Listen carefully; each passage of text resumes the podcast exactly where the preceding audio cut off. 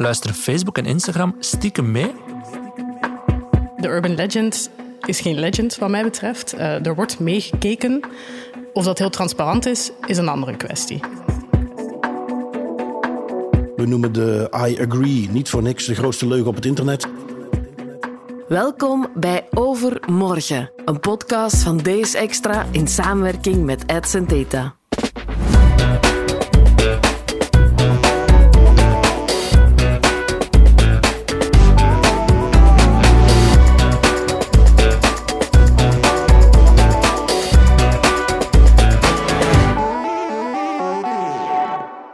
Kent het wel. Daarnet had je het nog over je hond en het slechte weer. Enkele minuten later ontvang je reclame voor hondenspeelgoed en vakantieplannen op Facebook. Het zou je doen vermoeden dat sociale media in je ziel kunnen kijken. Welkom bij Overmorgen, een podcast van DS Extra in samenwerking met Ads Data. De komende drie afleveringen zal ik, Thomas Smolders, in gesprek gaan met deskundigen over de uitdagende kwesties met betrekking tot data, privacy en gepersonaliseerde advertenties. In deze aflevering zoomen we in op de manieren waarop data online wordt verzameld en gedeeld en zoeken we uit of dat jouw privacy beïnvloedt.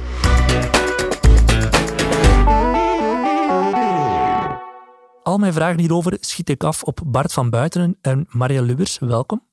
Dag Bart. Nee, dag Thomas. Je bent directeur van VZ2 Das Privé en docent Privacy and Security aan de Thomas More Hogeschool, dat klopt? Ja, dat klopt. En voor de rest werk ik ook als consultant in die materie, dus ik ben er bijna 24-7 mee bezig. Welkom ook eh, aan Maria. Dankjewel. Je bent juriste en tegenwoordig werkzaam als Data Protection Officer. Je bent ook lid van de Privacy Council van Beltug en boardmember van de Ministry of Privacy. Dat klopt. Bart en Maria, om de zoveel tijd hoor je wel in je vriendenkring of in de media verhalen van mensen die claimen dat ze worden afgeluisterd door een sociale media. Die verhalen die worden keer op keer ontkracht, want er is tot nu toe nog nooit staart bewijs gevonden van, van zo'n praktijken. Wat denken jullie, is het een urban legend of is het toch een goed bewaard geheim in de industrie? Een urban legend, wat is een urban legend? Ik denk in deze, ze moeten je niet afluisteren omdat je zelf bewust of onbewust al zoveel prijs geeft over je dagelijkse doen, je hobby's, uh, met wie je omgaat, waar je woont. Dus de urban legend is geen legend wat mij betreft. Er wordt meegekeken. Of dat heel transparant is, is een andere kwestie. Nee, ik denk ook absoluut dat je wordt niet afgeluisterd. Maar het feit dat zoveel mensen, en dat dat ook steeds weer de kop opsteekt, dat idee, dat gerucht, geeft aan hoeveel men inderdaad al kan verzamelen zonder je af te moeten luisteren. Men onderschat vaak hoe het feit dat jij op hetzelfde wifi-netwerk hebt gezeten, dat jij via Bluetooth op je telefoon in verband kunt worden gebracht met mensen om je heen, dat men kan kijken in welke gezamenlijke vriendengroepen zit je op Facebook, dat er op zoveel manieren gegevens kan verzameld worden, dat het soms wel lijkt alsof je afgeluisterd bent. En dat op zich is misschien al uh, eng genoeg. En dat gaat dus, eh, is dat nu in de privacy policy, is dat op een andere manier dat je geïnformeerd wordt? Daar gaat dan in staan, oh, we, we verzamelen de gegevens die jij geeft. Maar daarnaast gaan we ook ieder klikje dat jij doet, iedere advertentie die je bekijkt, iedere groep waar je lid van bent, iedere like die je doet, daar gaan wij ook allerlei informatie uithalen. Nou, die implicaties die zijn niet voor iedereen altijd duidelijk. En ook al staat dat wel ergens in de privacy policy. We noemen de I agree niet voor niks de grootste leugen op het internet. Dat leest niet iedereen. En dat is ook een beetje het manco. Heel veel organisaties, ook zo bijvoorbeeld een Facebook, Meta, uh, al die soortgelijke social media. Ergens is die informatie wel te vinden, maar ik denk dat de meeste mensen niet echt weten hoeveel er exact over hun verzameld wordt en hoe uitgebreid dat profiel eigenlijk is wat die social media organisaties over jou kunnen opbouwen.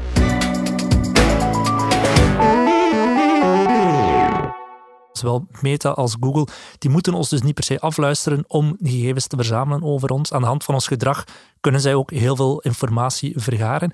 En die gaan ze gaan opslaan en gaan delen met adverteerders. En die gaan daar heel vaak creatief mee omspringen. En dat leidt dan tot rechtszaken en miljardenboetes.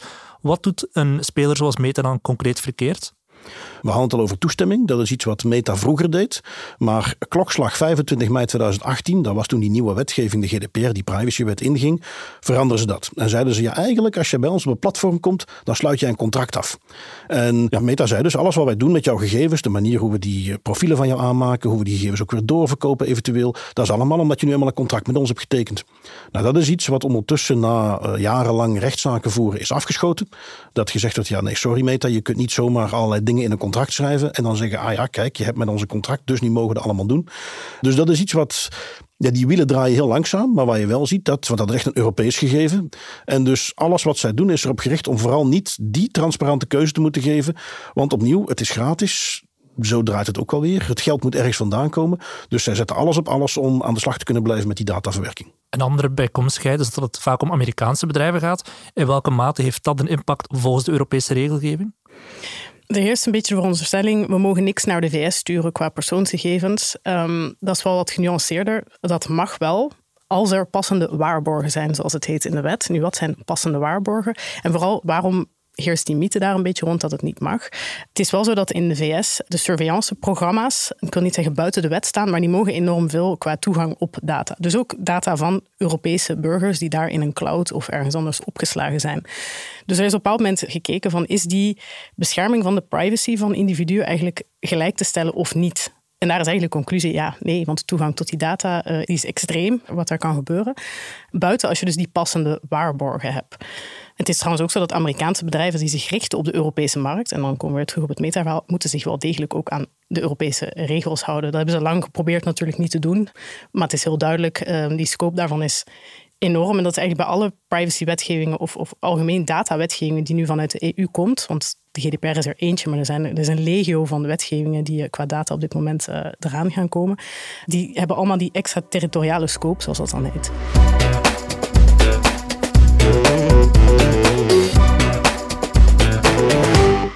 In de volgende aflevering gaan we dieper ingaan op advertenties. Maar ik wil even een ander punt aanhalen: een advocaat van de duivel spelen. Want heel vaak kun je zowel positieve als negatieve dingen doen met data. Als het dan bijvoorbeeld gaat over Google Maps, zou je kunnen zeggen: ah, daar kan je files mee detecteren. Maar daar kunnen ze even goed mee kijken wie er aanwezig was bij een betoging of waar er een betoging is. Menstruatie-apps, een zeer bekend voorbeeld nu in de Verenigde Staten. Enerzijds kunnen vrouwen naar hun cyclus mee bijhouden, maar anderzijds kan men ook gaan kijken wie heeft er een abortus gepleegd en in welke staat. Wat dat er zeker nu op dit moment een hot topic is. Hoe staat de Europese privacywetgeving tegenover dualiteit van wat men met data kan doen? Ik denk die wetgeving houdt daar absoluut rekening mee. Waar je inderdaad een aantal voorbeeldjes aan had vanuit Amerika, waar uh, mensen hun gegevens gebruikt worden om ze te veroordelen. Dat is een risico wat ik hier in Europa veel minder zie. Maar er zijn wel nog steeds regelmatig voorbeelden waaruit blijkt hoe belangrijk het is om goed met die gegevens om te gaan. Of het nu gaat om de toeslagenaffaire in Nederland, waar mensen echt kinderen uit huis zijn geplaatst omdat hun gegevens verkeerd werden verwerkt en ze onterecht werden beticht van fraude, zonder dat goed uit te zoeken. Ja, dat zijn dingen, de verwerking van die gegevens, wat daarmee gebeurd is, dat gaat tegen de wetgeving in. Dus we zien dat die wetgeving echt wel nodig is. En afhankelijk van wie jij bent, is dat gevaar groter of niet. Ik zit natuurlijk in een redelijk geprivilegeerde positie. Het gaat net om mensen die uit een bepaalde doelgroep komen, die in bepaalde wijken wonen, die daarom vaak hun gegevens gebruikt worden om conclusies over hun te trekken en die verkeerd zijn. En het zijn ook zeker die doelgroepen die bedoeld zijn om beschermd te zijn. Ja, absoluut. En even op het stukje, ik heb niks te verbergen terug te komen ik counter dat dan altijd naar mensen toe en zeg: Mag ik dan weten wat er op je bankrekening staat? Mag ik dan weten uh, ben jij laatst nog geopereerd aan iets? En dan zie je mensen wel dichtklappen. Dat ze denken, ja, nee, eigenlijk vind ik dat toch niet zo heel comfortabel. Ja, nee, inderdaad. Dus het is een beetje een, misleidend woord. Gegevensbescherming, ja, worden de gegevens beschermd in de individuen achter de gegevens. En die gegevens worden met een bepaald doel verzameld. En dat doel moet je ook aanhouden als bedrijf. Dus als jij je inschrijft bij een, uh, weet ik wat, supermarkt, omdat je bepaalde promo's wil krijgen, dan mogen ze niet achteraf beslissen, ja, we gaan dat eigenlijk ook gebruiken om nog heel andere dingen ermee te gaan doen.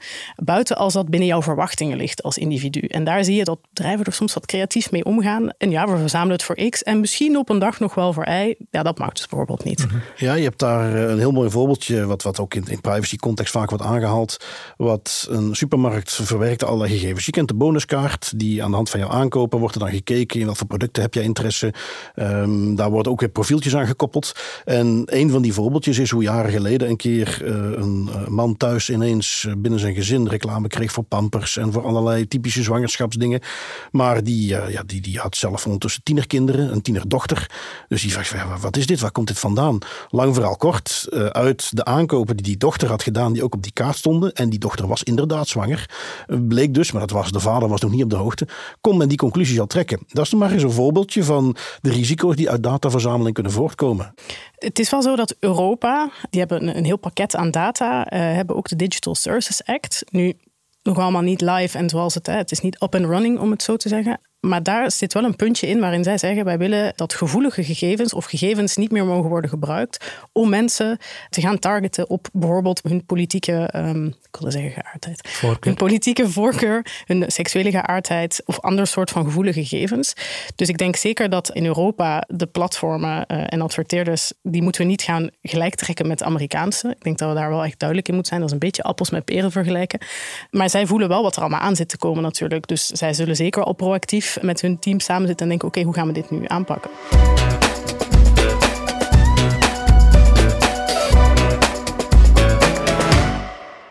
Laten we het inderdaad even dichter bij huis zoeken. We hebben het nu gehad over Meta en ook over Google, maar ook in Vlaanderen verzamelen en delen mediagroepen zoals Mediahuis, DPG, Play Media, Roularta, die verzamelen allemaal data van lezers en van kijkers om adverteerders de mogelijkheid te geven om advertenties in hun magazines of op een website of op televisieprogramma's uh, te gaan personaliseren. Hoe verhoudt de aanpak van wat zij doen, die Vlaamse advertentieplatformen, zich ten opzichte van spelers zoals Meta? Het begint er al mee dat zij direct de goede wettelijke basis, zoals ik het even noem, uh, hebben gekozen en weten van we moeten hier toestemming voor vragen.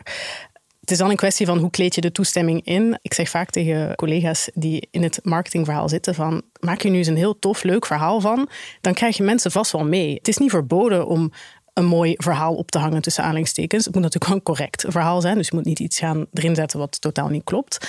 En ik denk dat het daar soms nog wel wat schort. Het is wel iets waar ik zelf vind dat de, laat ik zeggen, onze mediaspelers daar wel beter mee omgaan.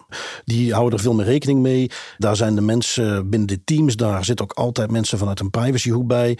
Die zitten wel natuurlijk in het spanningsveld. Oké, wij moeten geld verdienen met advertenties. En de afgelopen twintig jaar was het heel gebruikelijk dat je dat deed door cookies te plaatsen, door profielen op te stellen van mensen. En nu, de afgelopen jaren, met die nieuwe privacywetgeving, wordt men dus geconfronteerd met het feit: oei, dat gaan we anders moeten doen. En dan zijn ze naar het zoeken. Waar zit nog een klein spanningsveld in de zin dat de, heel veel van die mediahuizen kijken naar elkaar. Mhm. Want niemand wil de eerste zijn die dat zo gaat doen. Ja, dat, dat is iets waar ze even doorheen moeten. Want uh, ik denk wel dat die kant op gaat.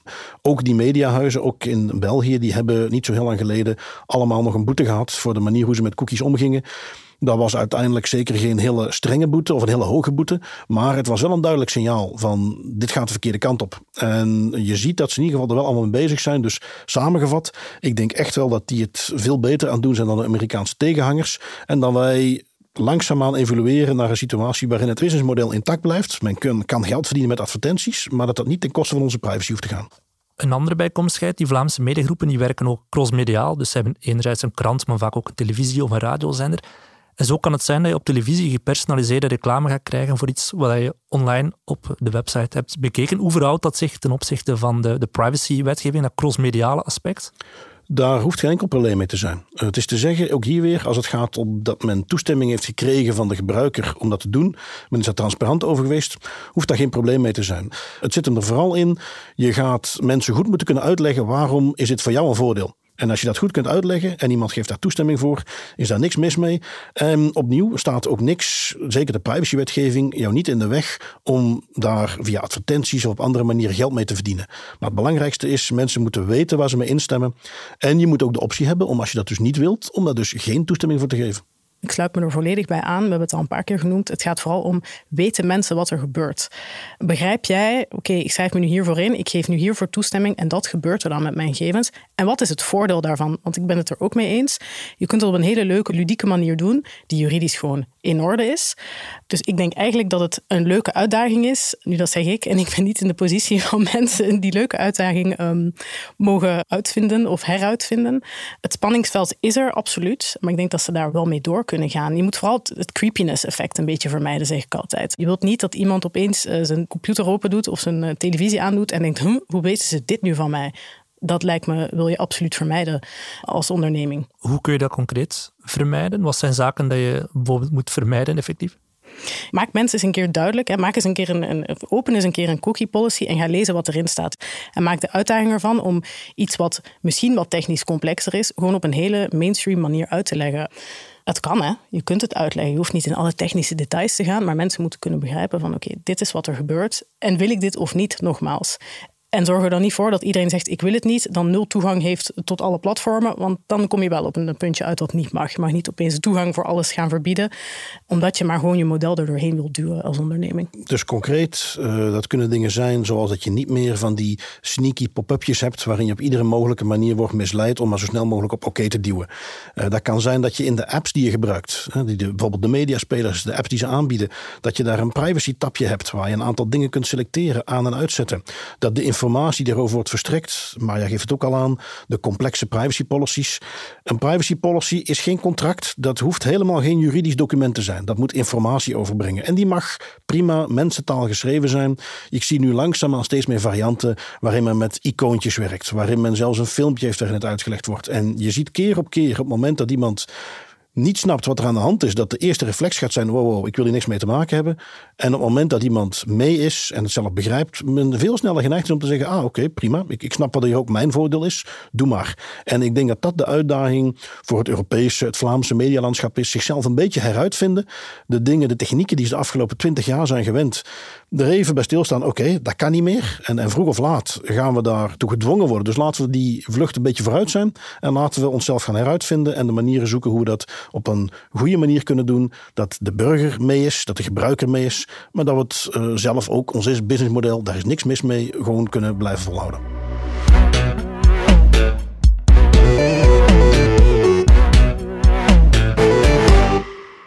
We komen stilaan aan het einde van deze aflevering. We hebben eh, een aantal mythes kunnen ontkrachten, onder andere het feit dat sociale media zogezegd ons zouden kunnen afluisteren. We hebben ook de bevestiging gekregen dat zowel Europa als Vlaamse adverteerders serieus met onze privacy willen omgaan. Om af te sluiten ben ik benieuwd naar jullie advies voor de luisteraars zelf. Wat kunnen mensen doen om slimmer of op een verstandige manier met hun privacy om te gaan? Nu, eerst en vooral niet zomaar ja op uh, alle cookies uh, gaan duwen. Tegenwoordig is het ook de bedoeling dat je een accept all en een reject all hebt. Um, doe dan ook op de reject all als je denkt van ik wil dit niet, ik wil niet gevolgd worden. Je zou het zelfs een keer kunnen gaan nagaan, dan klopt het wel. Hè? Duw ik hem uit en word ik effectief niet gevolgd. Dat is op zich niet een heel moeilijke manier um, om daarachter te komen uh, via je browser. En daarnaast inderdaad in je apps, of je nu een Android hebt of een iPhone, ga eens na in de instellingen en je zult toch wel versteld staan van hoeveel er by default nog aanstaat op tracking. Um, zet het vooral uit. En nu Apple is wel met een inhaalslag bezig en die willen zich een beetje anders profileren van hè, wij zijn meer mee bezig met je, je privacy. Ga er naar op zoek. Ja, wat ik ook zou meegeven is, kijk eens naar een aantal van de appjes die je hebt. We kennen allemaal de WhatsApp, de Gmail. En daar zijn alternatieven voor die precies dezelfde functionaliteit hebben, maar die niet als businessmodel hebben om jouw data te verkopen. Daar zijn, eh, Signal is een heel bekend voorbeeldje, wat ondertussen toch echt wel een behoorlijk wijdverspreide uh, app is. En misschien ook, en dat is een stukje awareness naar, naar mensen zelf toe. Je gaat misschien af en toe eens moeten betalen voor een dienst. Het hangt ervan af wat je zelf belangrijk vindt. Ik ben zelf uiteraard veel met privacy bezig. Mensen die dat niet belangrijk vinden, dat is niet aan mij om er tegenin te gaan. Blijf vooral de gratis diensten gebruiken. Maar vind je dat belangrijk? Dan kan het zijn dat je misschien eens een keer een paar euro per maand moet gaan betalen voor je mail. Dat je is, uh, ik gebruik Signal zelf ook wel, ik doe daar een donatie iedere maand omdat ik dat gebruik. Dat idee van alles is gratis en ik accepteer maar dat mijn data verzameld wordt. Als je daar vrede mee hebt, is het niet aan mij om er tegenin te gaan. Maar als je dat belangrijk vindt, dan moet je daar eens een beetje naar kijken. En het betekent dus af en toe dat je misschien ook wat geld moet gaan neerleggen of afscheid moet nemen van een platform. Stel dat je zegt, ik wil nu na tien jaar weg van Meta, kan ik vragen mijn gegevens te verwijderen? Absoluut, je hebt het recht. Ik heb het zelf, uh, ik ben ook van de generatie toen uh, Facebook net opkwam. En ik heb toen ook een account genomen. Eigenlijk totaal niet bij stilgestaan van wat is het? Ja, tof, leuk hè. En nu al een aantal jaren terug besloten van nee, ik wil dit niet. Vooral in ja, mijn domein is het een beetje vreemd tussen aanhalingstekens om dan nog een, Facebook uh, profiel te hebben. Ik weet niet hoe het inmiddels is. je kunt die aanvraag gewoon doen. Ik kreeg dan wel heel veel mailtjes van Facebook. Ben je zeker? Het vervalt over zoveel dagen. Dus je krijgt een beetje stress. Nu, ik mis het niet. Ik heb nog steeds vrienden gelukkig. Dus wat dat betreft kan ik die angst misschien wegnemen bij mensen. Je hebt dat recht, echt het, het, het, bekend is het recht om vergeten te worden, het recht om gewist te worden. Dus je kunt er vanaf, tussen aanhalingstekens. Alleen soms zullen ze het wat moeilijker maken, vooral de Amerikaanse bedrijven. Ik zou mensen ook zeker meegeven, en dat is een, ook zo'n recht dat je hebt in die privacywetgeving, om je gegevens terug te krijgen. Dus Facebook, LinkedIn, X, die hebben allemaal van die features. Die zitten ergens op de settingspagina, soms een beetje verborgen. Maar je kunt een export maken waar je gegevens terugkrijgt. Dat heb ik zelf ook gedaan toen ik jaren geleden mijn Facebook dichtzette. Ik heb dan een exportje getrokken. En En toevallig kwam ik het laatst nog eens tegen. Dat zijn dan allemaal bestandjes die ik met een browser of met hele makkelijke toeltjes die iedereen heeft kan openen. En daar zitten al mijn postjes, de lijstjes met vrienden zit daarin. Dus je hebt bij al die diensten het recht om je data ook terug te krijgen. En dat is misschien nog wel een belangrijke, want als je dan zegt van ja, maar als ik mijn, account afsluit, dan ben ik alles kwijt.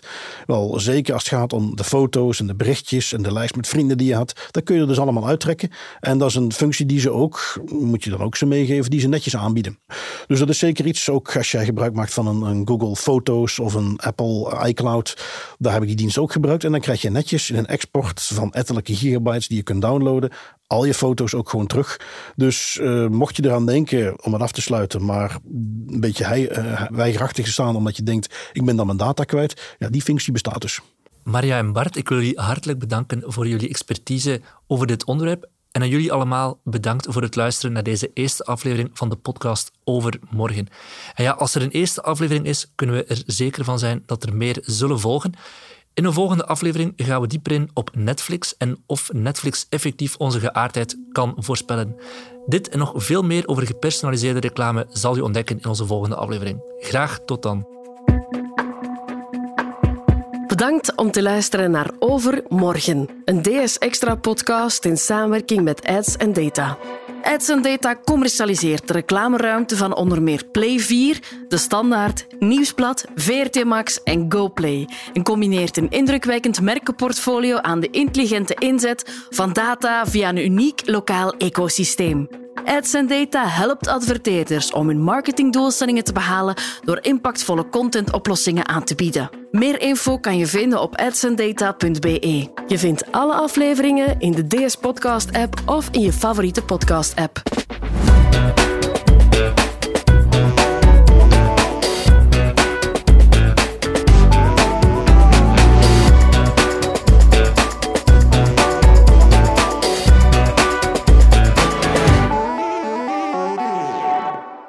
Data kan niet aansprakelijk gesteld worden wanneer informatie evolueert, verandert of afwijkt na opname van deze podcast.